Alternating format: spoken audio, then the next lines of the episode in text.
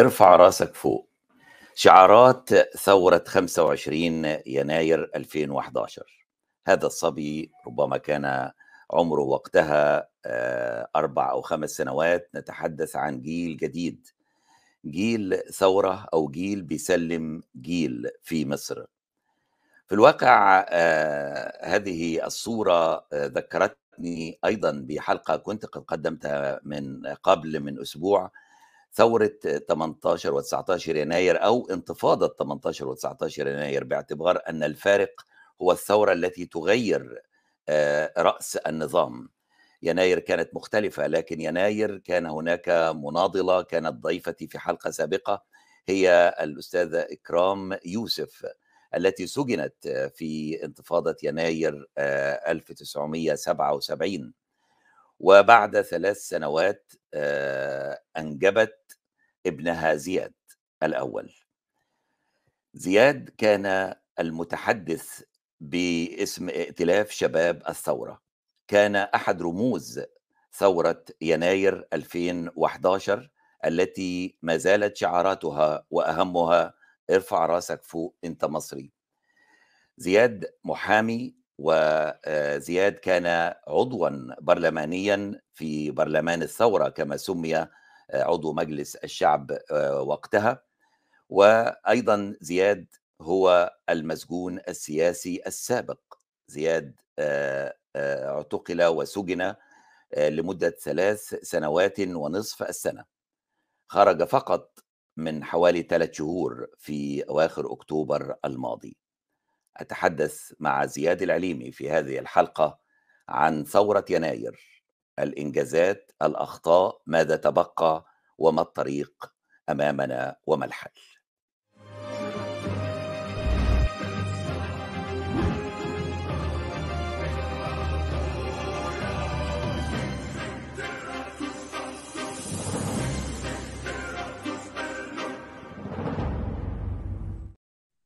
أستاذ زياد العليمي أهلا بك. وحمد لله على سلامتك. حافظ الله يسلمك. كل سنة وحضرتك طيب.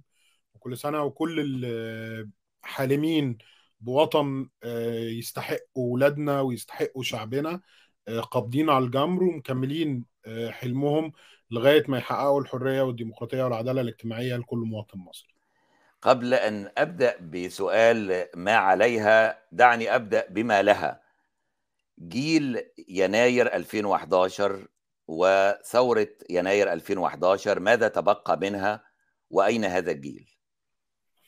أه تبقى منها أنه أه الحقيقة اللي تبقى منها عند الناس وعند الحكام أكتر من اللي تبقى عند أبنائها يعني إحنا قبل يناير بشهور كان بيحكمنا رئيس جمهورية لما أه اتكلم الناس اتكلمت على اعتراضاتها قال خليهم يتسلوا الحقيقة إن إحنا دلوقتي اللي بنشوفه إنه كل اللي جه حكم بعد مبارك بدأ يبذل مجهود في إنه يقنع الشعب أو حتى بيصرف فلوس كتير عشان يقنع الشعب بإن هو الطريق اللي هو مختاره صح.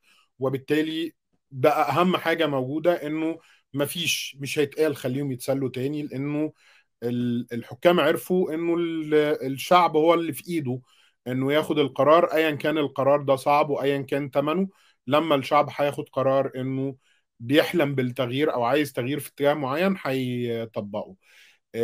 الحاجة الثانية الفاضله من يناير ورأيي إن دي مهمة جدا. إن يناير أنجبت جيل في في السياسة بيتهيألي عنده قدرة على إنه يدور على المساحات المشتركة أكتر ما يدور على الاختلافات اللي بينه.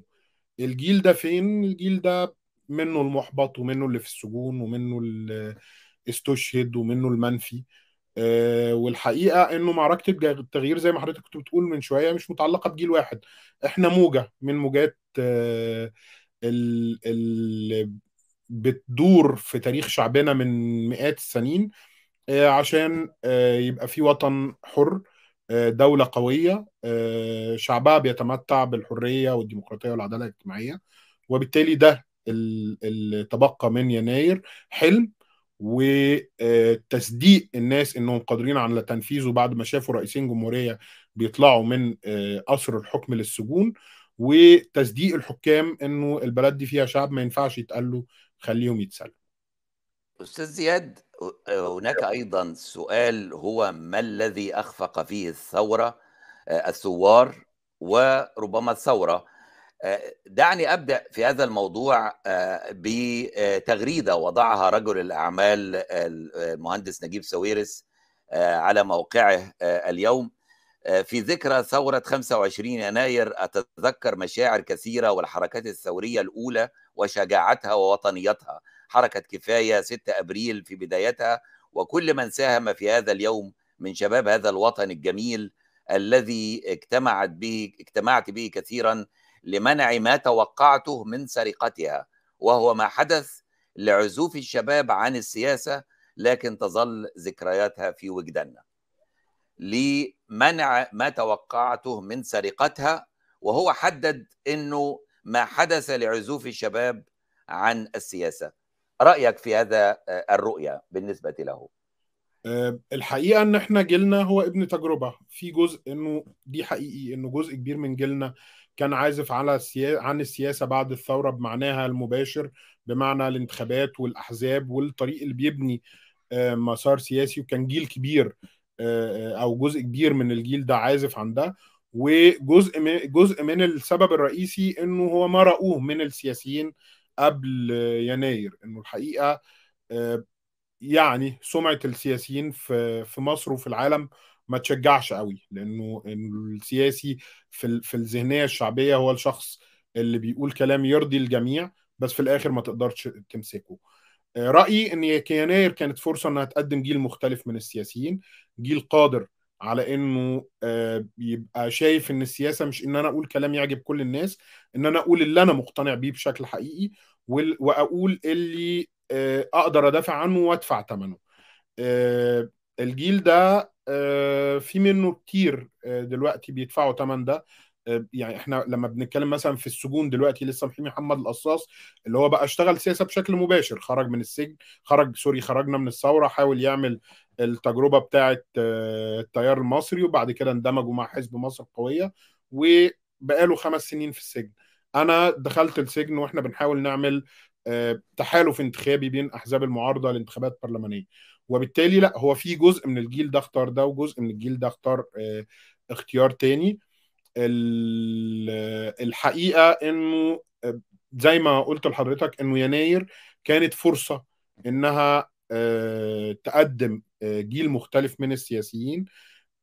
أكيد عندنا أخطاء لإنه أنا بالمناسبة قبل ما أدخل السجن 2019 في فبراير أو مارس 2019 كنت نشرت إن أنا بعد عدد من ال من سلسله مقالات عن أخطاء معسكر يناير وكان المفروض تتنشر في يناير 2020 بس للأسف كنت في السجن ساعتها ولما بعتوا لي عشان ينشروها قلت لهم مش هنشر حاجة وأنا في السجن ولما خرجت أنا لسه خارج بحاول أفهم إيه اللي بيحصل. وبالتالي أنا الرؤوس ده العناوين. نعم. رؤوس العناوين لما تتذكره من الذي أردت أن تكتبه. أنا رأيي إنه إحنا ولاد تجربة استبداد بشكل واضح. أنا وابني اتولدنا في عهد نفس الرئيس ما شفناش غير نفس الرئيس. وبالتالي إحنا بن بن بنكتشف يعني إيه ديمقراطية مع بعض. بعد الثورة أنا زي كل أبناء جيلي وزي معظم الناس يعني كنت شايف إنه دور السياسيين في لحظة النصر السياسي اللي بي... اللي بيتحقق إنهم يطبقوا ما يروح صحيحا. الحقيقة بالتجربة اكتشفت إن إحنا يعني مصر في بلاد ما قبل الديمقراطية. بلاد ما قبل الديمقراطية بيبقى دور السياسيين مش إنهم يعملوا ما يروح صحيحا قد ما ان هم يحطوا الملعب أو الإطار السياسي اللي هنتحرك عليه. وبالتالي أهم حاجة الدور للسياسيين في مراحل ما قبل الديمقراطية إن إحنا نتعلم مع الناس إنه مش لازم أو أو إن إحنا ممكن نختلف من غير ما نحبس بعض ومن غير ما نقتل بعض ومن غير ما نستبعد بعض. ده أنا رأيي إنه ده حاجة مهمة جدا. ما كناش شايفينها. ما كناش شايفين إنه البلد دي فيها 3 مليون مواطن كانوا أعضاء في الحزب الوطني. ما كناش شايفين إن البلد دي فيها 300 ألف مواطن بحسب التقديرات أعضاء في جماعة الإخوان المسلمين. فيها آلاف الليبراليين فيها آلاف اليساريين دور الديمقراطي ال ال السياسيين في مراحل ما قبل الديمقراطية أنهم يفكروا إزاي الأول نبني وطن يساع كل دول. يساع ابن خيرت الشاطر ويساع ابني ويساع ابن رئيس الجمهورية ويساع ابن بالمناسبة رئيس الجمهورية اللي الناس خرجت أو أبناء أو أحفاد رئيس الجمهورية اللي إحنا نفسنا خرجنا عليه. إحنا نفسنا في وطن يضم الجميع وبالتالي الأهم قبل ما إن إحنا نعمل ما نراه صحيحا إن إحنا كلنا ندور على المشتركات عشان نحط القواعد أو نعمل عقد اجتماعي جديد يتبني عليه دولة جديدة كلنا بنحلم بيها. في اللحظة دي هيتفتح بقى المجال إن إحنا نختلف طبقا للقواعد اللي إحنا حطيناها. لكن اسمح لي هنا أستاذ زياد وأرجو الا أقطع أفكارك لتذكرنا بالعناوين الباقية. البعض يرى العكس. يقول انظروا مشكلة ثورة يناير أنها لم تكن مثل الثورة الفرنسية أو الروسية أو غيرها بأنها تبدي أو تبيد نظام سابق. أن تخرجه لا ليس مطلوب دمويا ولكن تخرجه من العملية السياسية. حتى لا يعود إليك نفس المجموعة هي التي تحكم فيما بعد بشكل آخر. نفس الوزراء ربما أحيانا نفس الإعلاميين المطبلين يعودوا إليك وأيضا ربما بعضهم ذهبوا إليك في يناير يهتفوا معك. فهي رؤية مختلفة. أنت تقول لا يجب أن نبني ائتلاف معهم. سيعدونك بكل شيء لكن هم في لعبة سياسية. ألم يأتي الوقت لتقول تجاربنا أثبتت بأننا نبدأ من جديد؟ صفحة جديدة. من مارس السياسة من قبل أرجوك خد عشر سنين استراحة. ده مش أنا اللي أقوله ده الناس اللي تقوله. بس كمان ده بيحصل بطريقة معينة بمعنى إنه استبعاد كل القديم. أنا ما عنديش مشكلة مع الأشخاص. بالمناسبة أنا ما عنديش مشكلة إنه اللي بيحكم البلد دي حسني مبارك أو محمد مرسي أو عبد الفتاح السيسي. ما عنديش مشكلة في مين اللي بيحكم. مشكلتي طول الوقت في مصر بتتحكم إزاي؟ مشكلة إن مصر بتتحكم إزاي؟ الأزمة ما بتبقاش في الأشخاص الأزمة في الطريقة اللي بيتم بيها حكم البلاد. والحقيقة إن إحنا ما بنخترعش العجلة. يعني أنا 2015 كنت نزلت سلسلة مقالات حوالين إنه إزاي ممكن يحصل عدالة انتقالية في مصر وإنه الطريق هو العدالة الانتقالية. إحنا بنتكلم على برنامج تم تطبيقه في 33 مرة في 29 دولة لأن في دول فشلت في أول تجربة وكررته تاني لغاية ما نجحت. الحقيقة إن تجارب العدالة الانتقالية هي اللي أثبتت إن البلاد اللي مرت بيها من دول أو اتنقلت من دول استبدادية لدول ديمقراطية هي دي الطريقة اللي ما بتحصل ما بتعملش جروح.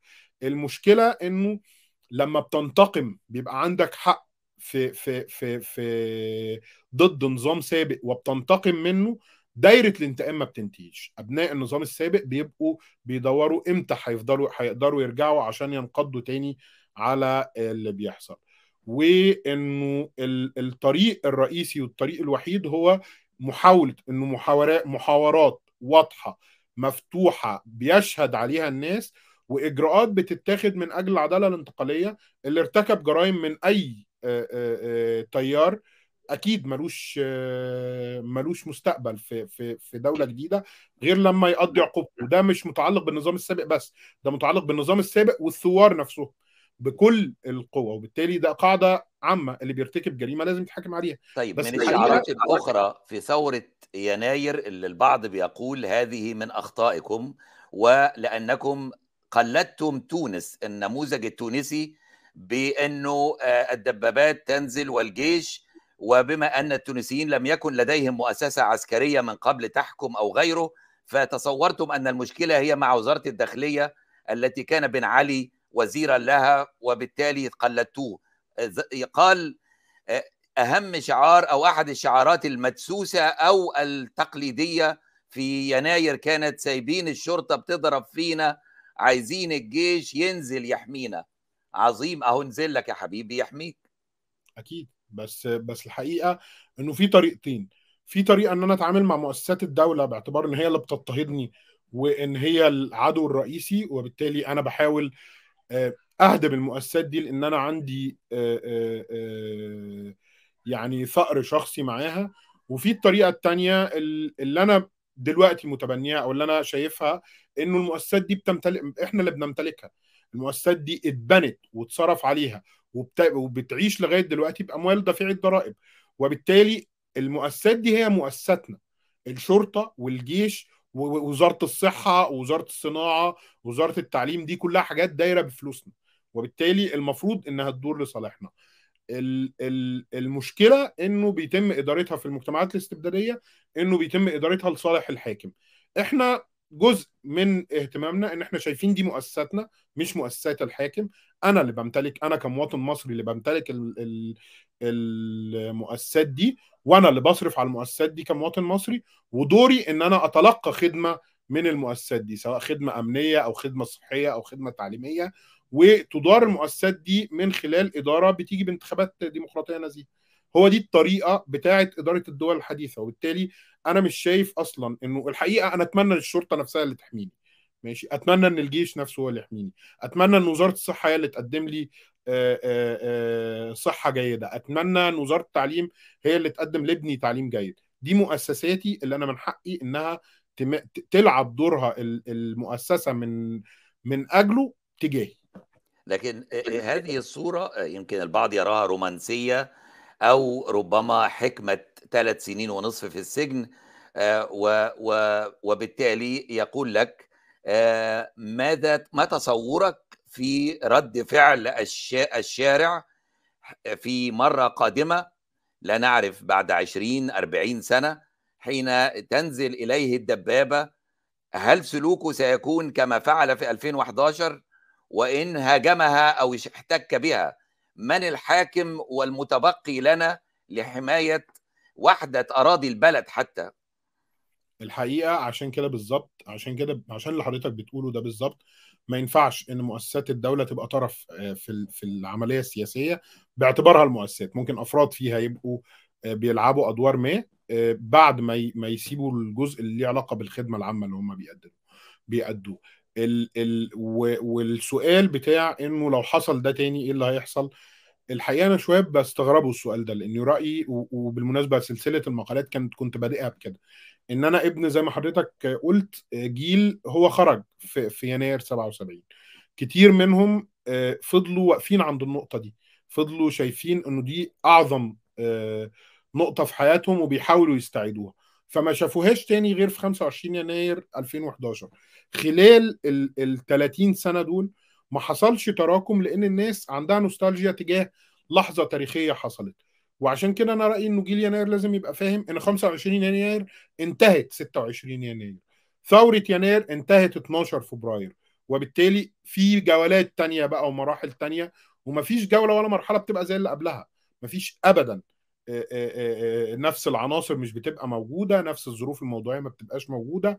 حتى الأنظمة ال- ال- اللي بتحكم بتبقى شايفة الضربة جات لها منين عشان تتلافى تاني واللي هيفكر بنفس الطريقة هيفضل في نفس النقطة اللي كان فيها. عشان نطلع قدام لازم نعرف إن يناير خلصت وإنه إحنا بنكمل حلم بدأناه من قبل يناير. إحنا مش ولاد يناير إحنا ولاد قبل يناير. ولاد آه، آه، أجيال كتير من أول أحمد عرابي بينادوا بحرية البلد دي وبينادوا بحرية شعبها. وبالتالي هي تجربة من التجارب ال- اللي حصلت تجربة مهمة ومحورية وأهم تجربة حصلت في حياتنا وأهم تجربة شفنا شفناها بعينينا وساهمها ساهمنا فيها بس خلصت. وبالتالي لازم نفكر في إنه بعد كده هنقدر نعمل إزاي. مفيش حاجة هتحصل زي ما هي ومفيش الناس هتنزل تقول نفس الكلام في أي لحظة والمؤسسات دي نفسها مش هتتعامل بنفس الطريقة اللي اتعاملت بيها قبل كده.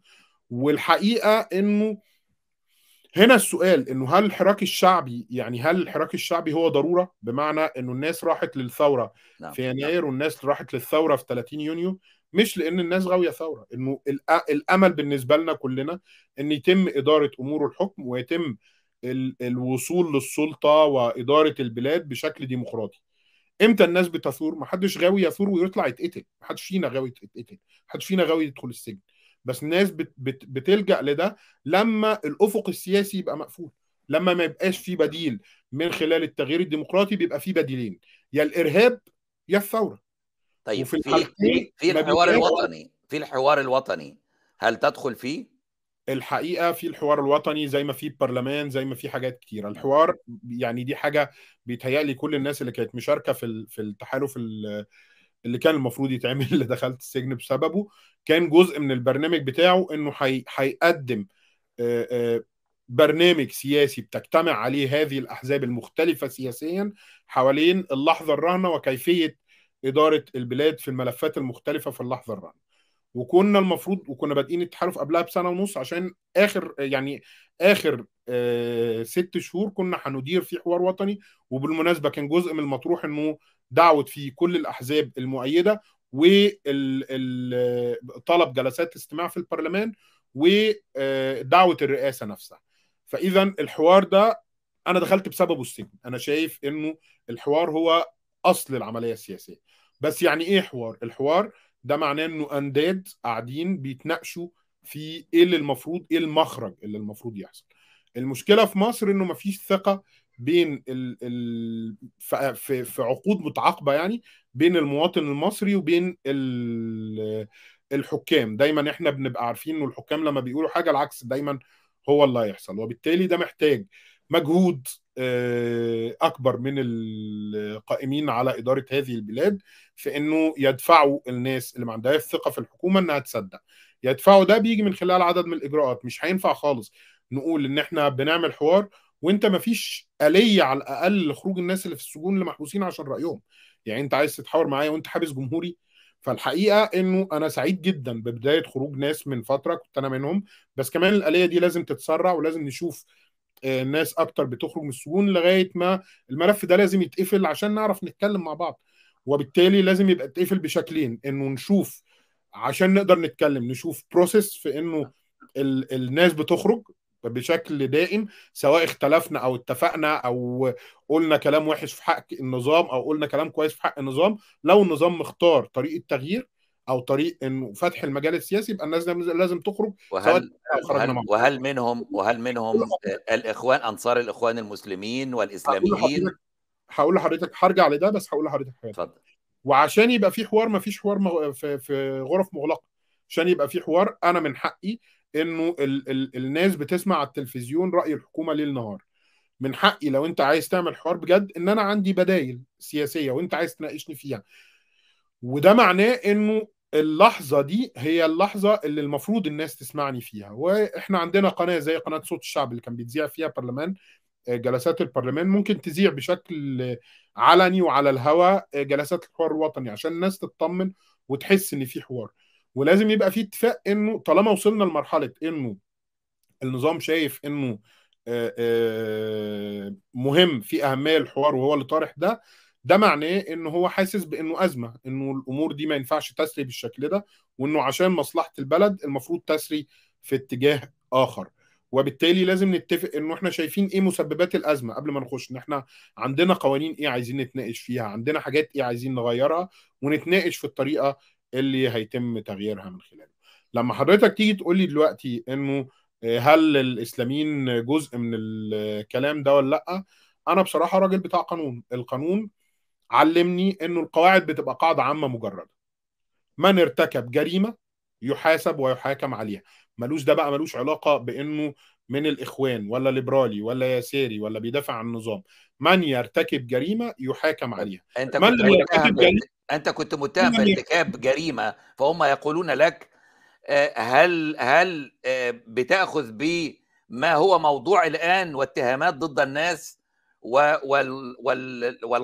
والقضايا الحالية أم تتحدث عن نعيد المحاكمات من جديد أو ضمان ضمان الاستقلالية فيها؟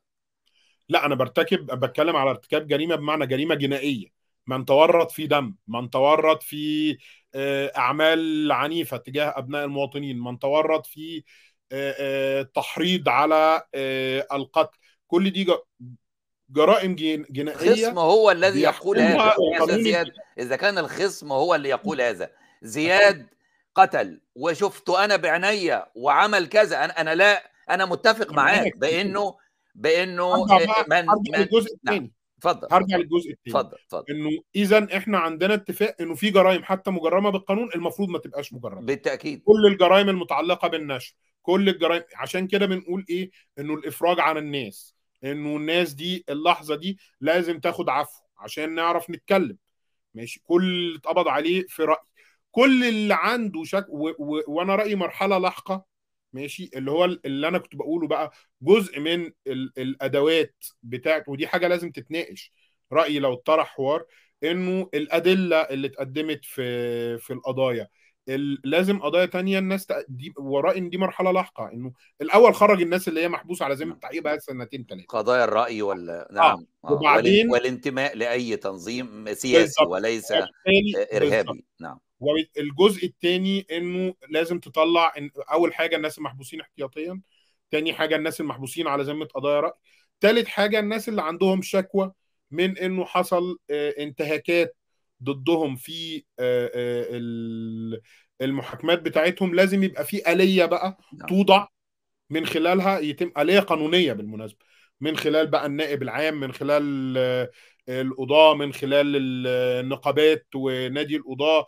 يعني دي ليها طرق كتيرة في كل برامج العدالة الانتقالية بالمناسبة حصلت. وبتبقى أحيانا بإشراف منظمات دولية الدولة هي اللي بتطلب ده عشان تقدر تغطي تمويلها. زي طيب. الأمم المتحدة زي جامعة الدول العربية زي الاتحاد الأفريقي زي الدول دي. طيب أستاذ أستاذ زياد آه، المهندس آه، ممدوح حمزة آه، كان كتب اعتذار ان أنا متأسف أنا أخطأت في المشاركة في آه، 30 يونيو وفيما تلا ذلك مثل 3 يوليو هل تشاركه ال- الحسرة أو أو ال الاعتذار أم لا؟ آه، الحقيقة أنا بعتذر عشان أسباب تانية كتير مش منها. ده أسباب اللي أنا قلتها لحضرتك دلوقتي إنه عدم وعينا بإنه ال... إحنا بنشتغل عشان نطبق ما نراه صحيحا وفي مصلحة البلاد ولا لإن إحنا في مرحلة مختلفة مرحلة بلاد ما قبل الديمقراطية علينا إن إحنا نبني المجال السياسي اللي هنختلف خلاله. بس الحقيقة أنا بشرف إنه أنا من اللي خرجوا في في 25 يناير. حتى لو كان اللي حصل بعد 25 يناير حصل انقلاب على مطالب الثوار. وأنا بشرف إن أنا من اللي نزلوا في 30 يونيو لما شافوا إنه ال... الاتجاه اللي إحنا بنحلم بيه ليناير آه، آه، مش ده الاتجاه اللي ماشي فيه جماعة الإخوان المسلمين. وبشرف إن أنا من الناس اللي نزلوا في 30 يونيو وطالبوا بانتخابات رئاسية مبكرة. بس الحقيقة ما حدث من 3 7 يعني مش شايفه شايفه زي اللي حصل بالظبط بعد 25 يناير. هو انقلاب على مطالب الناس مش انقلاب على حد بيحكم. يعني انت بتفرق ما بين آه، زي ناس كتير ما بين 30 يونيو وما بين آه، 3 يوليو و14 أغسطس. الحقيقة آه وبش... زي ما بفرق بالمناسبة في يناير بين آه، آه، من 25 يناير ل 11 فبراير والسلطة اللي استلمت.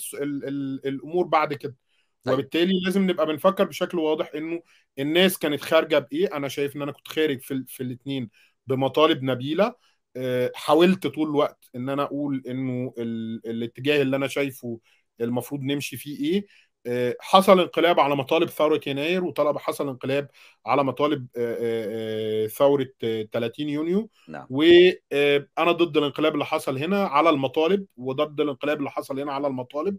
وأنا مع ال ال ال لأن أنا ببقى شايف إنه الانقلاب في المرتين ما حصلش على سلطه حاكمة.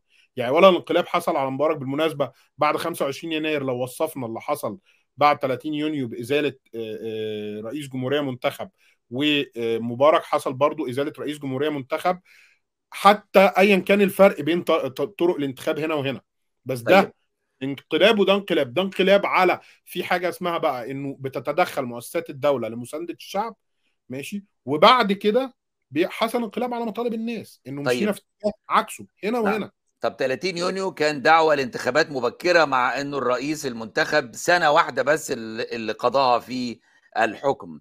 البعض الآن بيتحدث عن انتخابات مبكرة بالنسبة للرئيس السيسي ولا ننتظر ال 24 والبعض الآخر يقول آه، أصلا فترة الرئيس الدستورية أو الفترتين انتهوا في 2014 فمن ال من ال آه، غريب جدا الذين استكثروا سنة على رئيس ولا يستكثرون ثمان سنوات دستورية انتهت في 30 يونيو. على رئيس آخر.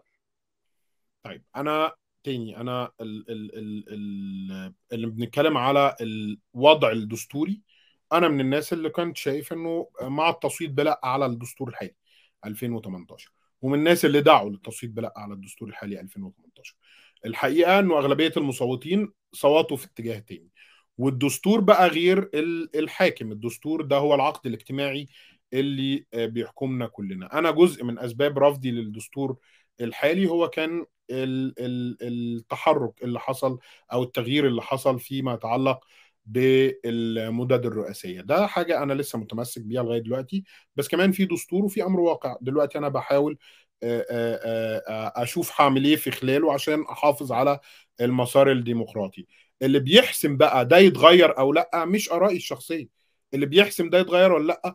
قدرة الناس ورغبتهم في التحرك من أجل هذه المطالب. يعني لو العالم كله يعني لو كلنا كنا بنقول للناس مبارك سيء وعلينا إن إحنا نخرج ضده وده اللي كان بيحصل سنين طويلة. إحنا ما نجحناش غير لما الناس اقتنعت بده. وفي 30 يونيو الحقيقة إنه إحنا كنا شايفين إنه في مشكلة في تعامل جماعة الإخوان المسلمين مع الحكم من أول بقى من بدري خالص من أول لجنة تعديل الدستور ومن أول الاعلان الدستوري اللي أصدره الرئيس السابق المتوفي الدكتور محمد مرسي و والناس مست... يعني حسب استجابة الناس هو اللي بيحدد الطريق بشكل واضح. طيب. أخيرا ما المخرج ما الحل؟ أسمع إلى وجهة نظرك. وأيضا اضع في الاعتبار لمن يسمعك وهذا ليس تشكيك في مصداقية زياد العليمي أن زياد من ثلاث سنين ونصف في السجن خرج فقط في أكتوبر بعفو رئاسي هو موجود في مصر ولا نريد له أن يقوم بعملية انتحارية سياسية في أفكاره. تفضل. لا الحقيقة أنا مش يعني مش شايف إنه بقوم بعملية انتحارية أو لأ. أنا الحقيقة بقول إن أنا مقتنع بيه واللي بقوله وأنا بالمناسبة طول طول علاقتي بالسياسة أنا بسافر كتير عشان حاجات ليها علاقة بالشغل. عادة بقول بتكلم بشكل أريح وأنا جوه البلد. يعني بتكلم بشكل أريح في في الإعلام. اللي بيبقى جوه البلد دي. والحقيقة الأحكام اللي خدتها كانت أحكام على برامج متصورة في مصر مش متصور بره. يعني أنا مصور برامج بره ما كانش ما كانش في عليها أحكام كان على برامج متصورة في مصر وعلى مقالات منشورة في مصر. فأنا في مصر الحقيقة بحس أريح إن أنا أقول إنه في الآخر أنا موجود وعندي استعداد أدفع ثمن كل اللي أنا قلته. بره ما بحسش نفس الراحة بشكل شخصي. والحقيقة إن أنا بطرح الحلول بمنطق إن أنا قاعد في البلد دي هعيش في البلد دي وهربي ابني في البلد دي ايا كان المعوقات وبدور طول الوقت على الطريقة اللي ممكن الأمور فيها تمشي بشكل أحسن. ما المخرج؟ أنا رأيي طول الوقت المخرج هو الديمقراطية وحتى لما بنيجي نتكلم على الملف الاقتصادي دلوقتي أنا راجل بشتغل محامي ومحامي كوربريت يعني أنا شغلي كله مع شركات.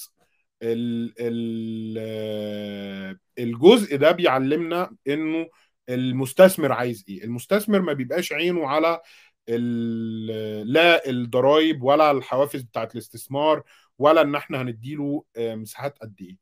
المستثمر أهم حاجة بالنسبة له إنه يحسب لأن إحنا دلوقتي الأزمة أزمة اقتصادية.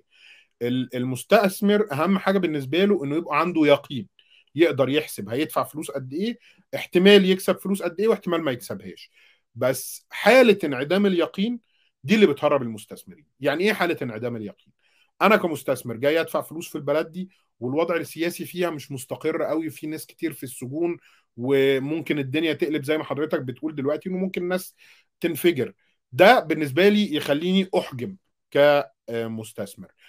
لما أبقى عارف إنه داخل سوق ما فيهوش ضوابط قوي وإنه مش عارف مين اللي هيبقى فيهوش ضوابط قوي للمنافسة العادلة ومش عارف هل هيظهر أشخاص أو أو مؤسسات بي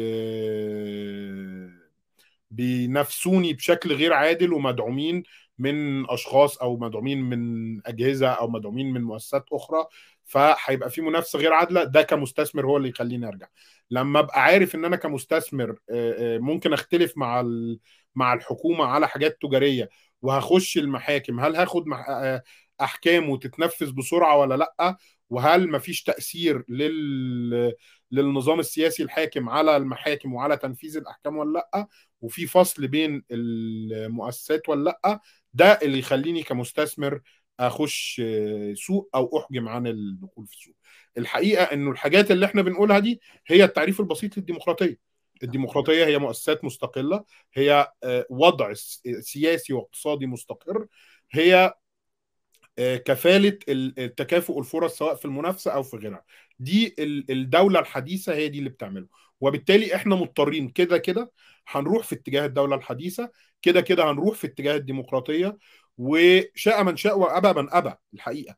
و و وده عشان دلوقتي قبل كده كنا بنقول عشان نحسن أوضاعنا ويبقى لنا مستقبل دلوقتي إحنا بنقول ده عشان ولادنا يلاقوا ياكلوا. دلوقتي إحنا في خطر حقيقي ولادنا مش هيلاقوا ياكلوا من غير ما تقام دولة بجد. دولة مؤسسات بجد مش دولة أفراد. وتطلب هذه التغييرات من نفس مدير الشركة الذي البعض بيعتبره إنه فشل. آه اللي هو رئيس الجمهوريه بمنطق بمنطق الشركات الاستثمارية اللي تحدث عنها. أنا بتكلم على طريقة التفكير ال ال ال ال البيزنس مان يعني إزاي بيخش السوق. نعم. لما نيجي نتكلم في السياسة بقى إنه الحقيقة آه إنه اللحظة اللحظة اللي إحنا واصلين لها بالمناسبة كنا طول الوقت إحنا بنتهم بإنه آه ما تنتقدوش كتير عشان البلد تعرف تطلع قدام. طيب إحنا بقى لنا أربع سنين كل معظم الناس اللي كان ليها صوت كانوا في السجن أو قاعدين بره أو اللي قاعدين هنا مش قادرين يتكلموا وبالتالي أو ما بيتكلموش وبالتالي إحنا بقى لنا أربع سنين مش مسؤولين عن أي حاجة حصلت. إحنا شايفين الوضع كان إيه قبل الأربع سنين دلوقتي؟ وصلنا لإيه؟ وبالتالي ده معناه إن في مشكلة حقيقية. لو ما تناقشناش بجد في حل المشكلة الحقيقية وبالمناسبة أنا بفكر في ده لأنه الوضع الاقتصادي دلوقتي ما يحتملش إن إحنا نهزر في مسائل ليها علاقة بمصير البلد دي. لو ما فكرناش بجد في حلول حقيقية ليها علاقة بالمشكلة الحقيقية مش هت مش هتحل. والحقيقة أنا مش بخاطب بيها نفس مدير الشركة أو رئيس الجمهورية أو مؤسسات الدولة. أنا بخاطب بيها شعبنا. يعني أنا لما بطرح بدايل عشان كده حضرتك لما بتقول لي الحوار قلت لك أهم حاجة بالنسبة لي إيه؟ إنه يبقى على الهوا لأن أنا بكلم الناس. الناس عليها إنها تشوف اللي طرحه النظام السياسي وعليها تشوف إن اللي طرحه المعارضة وعليها تشوف إنها تفاضل بين الاثنين وبالمناسبة لو رئيس الجمهورية ايا كان اسمه بالمناسبة ده لو ده ده كان مع مبارك وده كان مع مرسي وده مع الرئيس سيسي دلوقتي وده كان هيبقى مع اللي جاي بعديه. يعني دي الطريقة في التعاطي مع السياسة إنه إحنا بنطرح بدائل يا إما هنتفق عليها ويلا ننفذها سوا يا إما هنختلف عليها ونطرح بديلين ويبقى الناس هي الحكم بشكل واضح. سواء بقى مع النظام أو مع رئيس الجمهورية أو أي نظام. دي قواعد عامة أنا بتكلم في القواعد العامة اللي أنا مؤمن بيها. وعشان كده ال ال السؤال اللي حضرتك تخيلت إن أنا اللي هو السؤال اللي قبل ده اللي تخيلت إن أنا جاوبت الإجابة دي عشان وضعي في مصر فيما يتعلق برئيس الجمهورية الحقيقة إنه اللي بيحسم ده بجد الشعب. يعني أنا أكيد مش عايز مبارك يبقى موجود في السلطة من قبل ده. أنا من بدات علاقتي بالعمل العام والعمل السياسي ودخلت سجون مبارك وأنا عندي 16 سنة. مش أكيد من ساعتها مش عايز مبارك يظل في السجون الثورة حصلت بعدها ب 14 سنه وبالتالي الحقيقة الحقيقة إنه اللي بيحسم مين يقعد ومين يجي الناس. بشكل واضح. عظيم. إنه حتى لو في حاكم جاي غصب عن الناس الناس هي اللي هتحكم هتقرر إذا كان هيستمر ولا لأ. لأنه في اللحظة اللي يبقى فيها ثمن التغيير بالنسبة للناس بالنسبة للناس أقل من من ثمن الاستقرار آه sorry أكتر آه sorry ثمن التغيير أقل من ثمن الاستقرار ساعتها الناس هتلجا للتغيير طول ما ثمن الاستقرار أقل الناس هتبقى آه عايزة الاستقرار.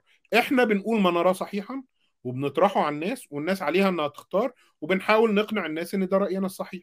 ده صحيح. متشكر جدا أستاذ زياد وأؤكد ليك أيضا إنه التكنولوجيا فقط هو التي جعلت إنه تصنيف البرنامج بأننا خارج مصر وأنت داخلها لكن ما عنديش أي مانع لقائنا بعد أسبوع أكون معك في مصر على قناة داخل مصر.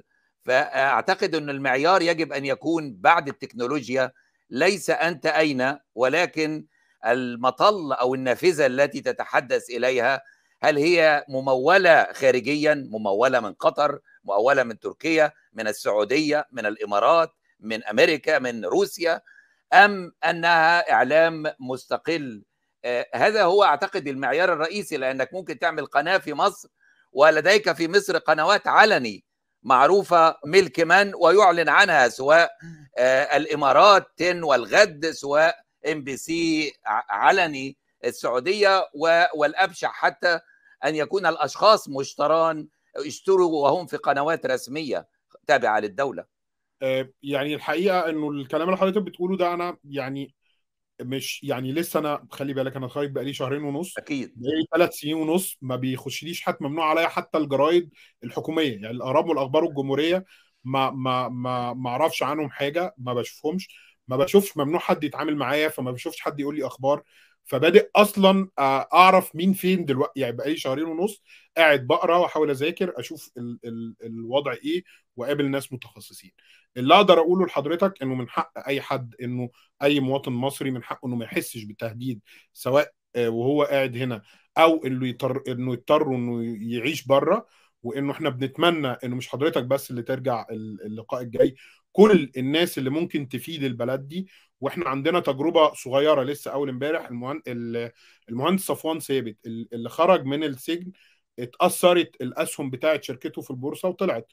وبالتالي حرام إن إحنا آه، عشان أسباب سياسية نقص نخلي الاقتصاد بتاعنا يتأثر بإن إحنا نقبض على رجال صناعة. وحرام إن إحنا آه، مستقبل بلادنا يتأثر عشان بنقبض على رجال فكر ورجال ثقافة.